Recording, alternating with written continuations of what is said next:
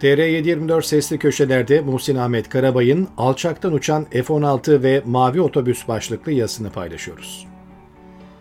Beştepe Sarayı ve etrafında kümelenenler tek adam sistemini kurmak üzere hazırladıkları 15 Temmuz senaryosuyla bir ülkeyi mahva sürüklediler. 2022 sonunda geldikleri nokta insanın içini düğüm düğün eden tükenmişlik. Türkiye 15 Temmuz'da sona geliyor. Önümüzde riskli bir çukur var. Bu çukura düşmezsek pek çok şeyin yerine oturması kolay görünüyor. Geçen sene 15 Temmuz'la ilgili yazımı anma gününden bir gün sonra iktidarın artık 15 Temmuz'u yeterince sömürdüğünü ve orada yeni malzeme kalmadığını dile getirmiştim. Aradan bir yıl geçti. Şimdi pek çok şey iktidarın aleyhine işliyor. Hem de beklediğinden daha hızlı bir şekilde. 17-25 Aralık yolsuzluk ve rüşvet operasyonlarının ilk gününden itibaren dilimin döndüğünce anlattığım, bozuk plak gibi tekrarladığım bir şey var. Ekonomiyi çevirebildikleri sürece bu halk yapılan zulümleri, haksızlıkları görmez diye. Böyle zulüm tarih boyunca görülmedi diyenlere de hep aynı cevabı verdim. Fahrettin Altun'un yazdığı tarihi okursanız Erdoğan'ı dünyanın en büyük ve en adil lideri olarak tanırsınız. İslam tarihindeki zulümleri sıralamaya kalkarsanız bugün yapılanlar çok masum kalır.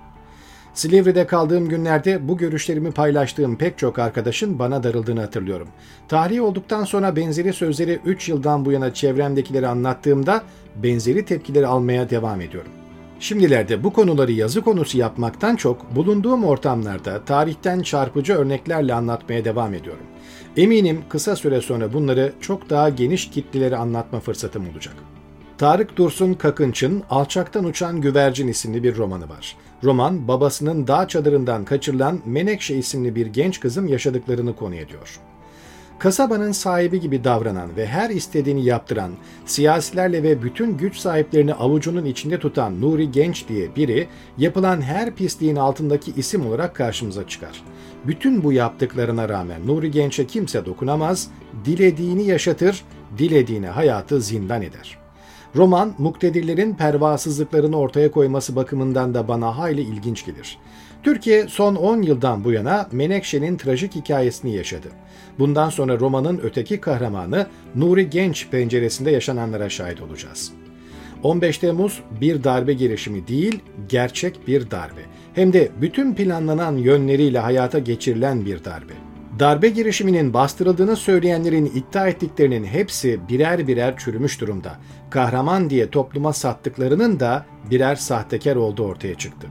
Dönemin Başbakanı Binali Yıldırım'ın bizzat evine gidip tebrik ettiği Şerife Bacı'nın kamyonuyla tankları durdurduğu iddia edilen görüntülerinin 15 Temmuz'dan bir gün sonra bir kurgu olarak çekildiği bir süre sonra anlaşıldı. 15 Temmuz gazisi denilip 3500 lira maaş bağlandıktan ve fotoğraf çektirdiği kamyonun dönemin İstanbul Belediye Başkanlığı yönetimi tarafından 250 bin liraya alındıktan sonra her şey ortaya çıktı. İlk başta iddiaları yalanlayıp şehit aileleri beni kıskanıyor diyen Şerife Boz, daha sonra Anadolu Ajansı muhabirinin görüntülerin bir gün sonra ve kurgu olduğunu itiraf etmesiyle her şeyi itiraf etmişti. Meğer Şerife Bacı o gece hiç evden dışarı çıkmamış.'' Ne acı ki şehit ailelerinin açtığı dava sümen altı edilip unutturuldu. Ankara Mamak'ta sahte kahraman Şerife Bacı'nın yiğitliğini simgeleyen anıt bile yapıldığını bilmem kaç kişi hatırlıyor acaba. Şerife Bacı tek örnek değil. 15 Temmuz gecesi 15 dakika boyunca 400'ü aşkın hain üzerimize ateş açtı diye kendisinin nasıl tehlikelere göğüs gerdiğini anlatan Ankara'nın Kazan ilçesinin belediye başkanı Lokman Ertürk, o gece yakıt tankerini patlatıp hava üssünü kullanılamaz hale getirmeyi düşündüklerini anlatmıştı. 15 Temmuz'da 9 şehit ve 92 gazilerinin olduğunu belirten Ertürk'ün foyası daha sonra Meclis Araştırma Komisyonu'na ifade verdiğinde anlaşıldı. İfadesinde o gece Antalya'da tatilde olduğunu söylemek durumunda kalan Lokman Ertürk, komisyona kahraman olarak girip sahtekar olarak çıkmıştı. Anlatılan yalanlara inanmaya hazır o kadar AK Partili var ki iktidar yandaşları yeni yalanlar uydurmaktan çekinmiyorlar.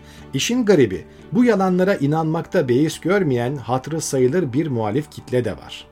Son örnek Karatay Üniversitesi öğretim üyesi Profesör Doktor Mazhar Bağlı'dan geldi. Profesör Bağlı böyle bir şeyin fiziken mümkün olup olmadığını düşünmeden 15 Temmuz gecesi insanlar 11. kata çıkarak alçak uçuş yapan F-16'lara kafa atıp şehit oldular dedi.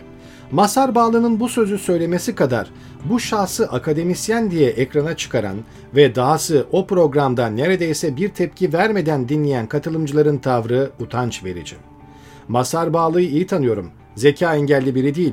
O kadar çok yalan söylediler ki onlara inanan buna da inanır diye düşünmüş olmalı. Memleket yalan konusunda atışın serbest olduğu kabul edilen avcılar kahvanesine dönmüş durumda. Bağlı örneğinde olduğu gibi birisi iktidara kayıtsız şartsız destek veriyorsa bilin ki kendisi veya yakın çevresi bir pisliğin içine batmıştır.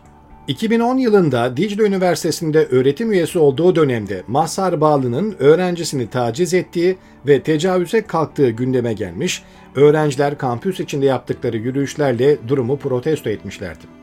15 Mart 2017 tarihinde Cumhurbaşkanı Erdoğan tarafından Nevşehir Hacı Bektaş Veli Üniversitesi rektörlüğüne atanan Mazhar Bağlı, Yüksek Öğretim Kurulu tarafından 26 Mart 2020 tarihinde disiplin cezaları yüzünden rektörlük görevinden de alınmıştı.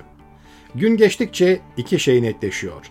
Biri kahraman diyenlerin nasıl birer sahtekar, diğeri her türlü yafta yapıştırılmaya çalışanların masum olduğunun ortaya çıkması. Avrasya Kamuoyu Araştırma Merkezi Başkanı Kemal Özkiraz geçen hafta TV5 kanalında önemli tespitler yaptı.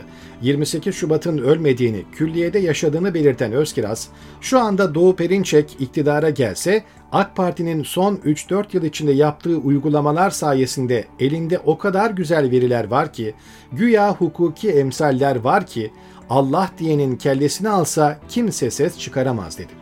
Gerçekten de toplumda hiç karşılığı olmayan Doğu Perinçek ve ekibi iktidarda olsaydı AK Parti'nin son yıllarda hangi yaptığına karşı çıkardı? Muhalefet uzun zamandan beri 15 Temmuz'un araştırılması için çaba açıyor. İktidarsa bu taleplerin tamamını reddediyor. Düşünebiliyor musunuz? Bir siyasi iktidar kendisine darbe yapıldığını iddia ediyor ama bu darbe girişiminin araştırılmasını asla istemiyor. Şimdi 15 Temmuz araştırılsın diyen sürecin en masumlarından olan askeri öğrenciler seslerini duyurabilmek için bir belgesele imza attılar. Mavi Otobüs adı verilen belgeselde nelerin olduğunu mutlaka bir 45 dakikanızı ayırıp izlemelisiniz. 15 Temmuz'dan sonra 151 general ordudan ihraç edildi. Bu rakam ordudaki generallerin toplamının %40'ını oluşturuyor.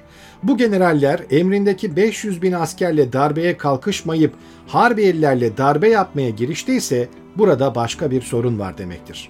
Bütün muhalifler Kemal Özkiraz'ın bugün bulunduğu noktaya gelinceye kadar sorunlar devam edecek. İşin sevindirici tarafı var. O da vicdanlı her insan hızla bu noktaya geliyor. Bu dönemde haysiyetini koruyarak hayatta kalanlara ne mutlu. Türkiye, iktidar sahipleri tarafından sürüklenmek istendiği iç savaş çukuruna düşmezse bugünleri atlatmasına çok kalmadı.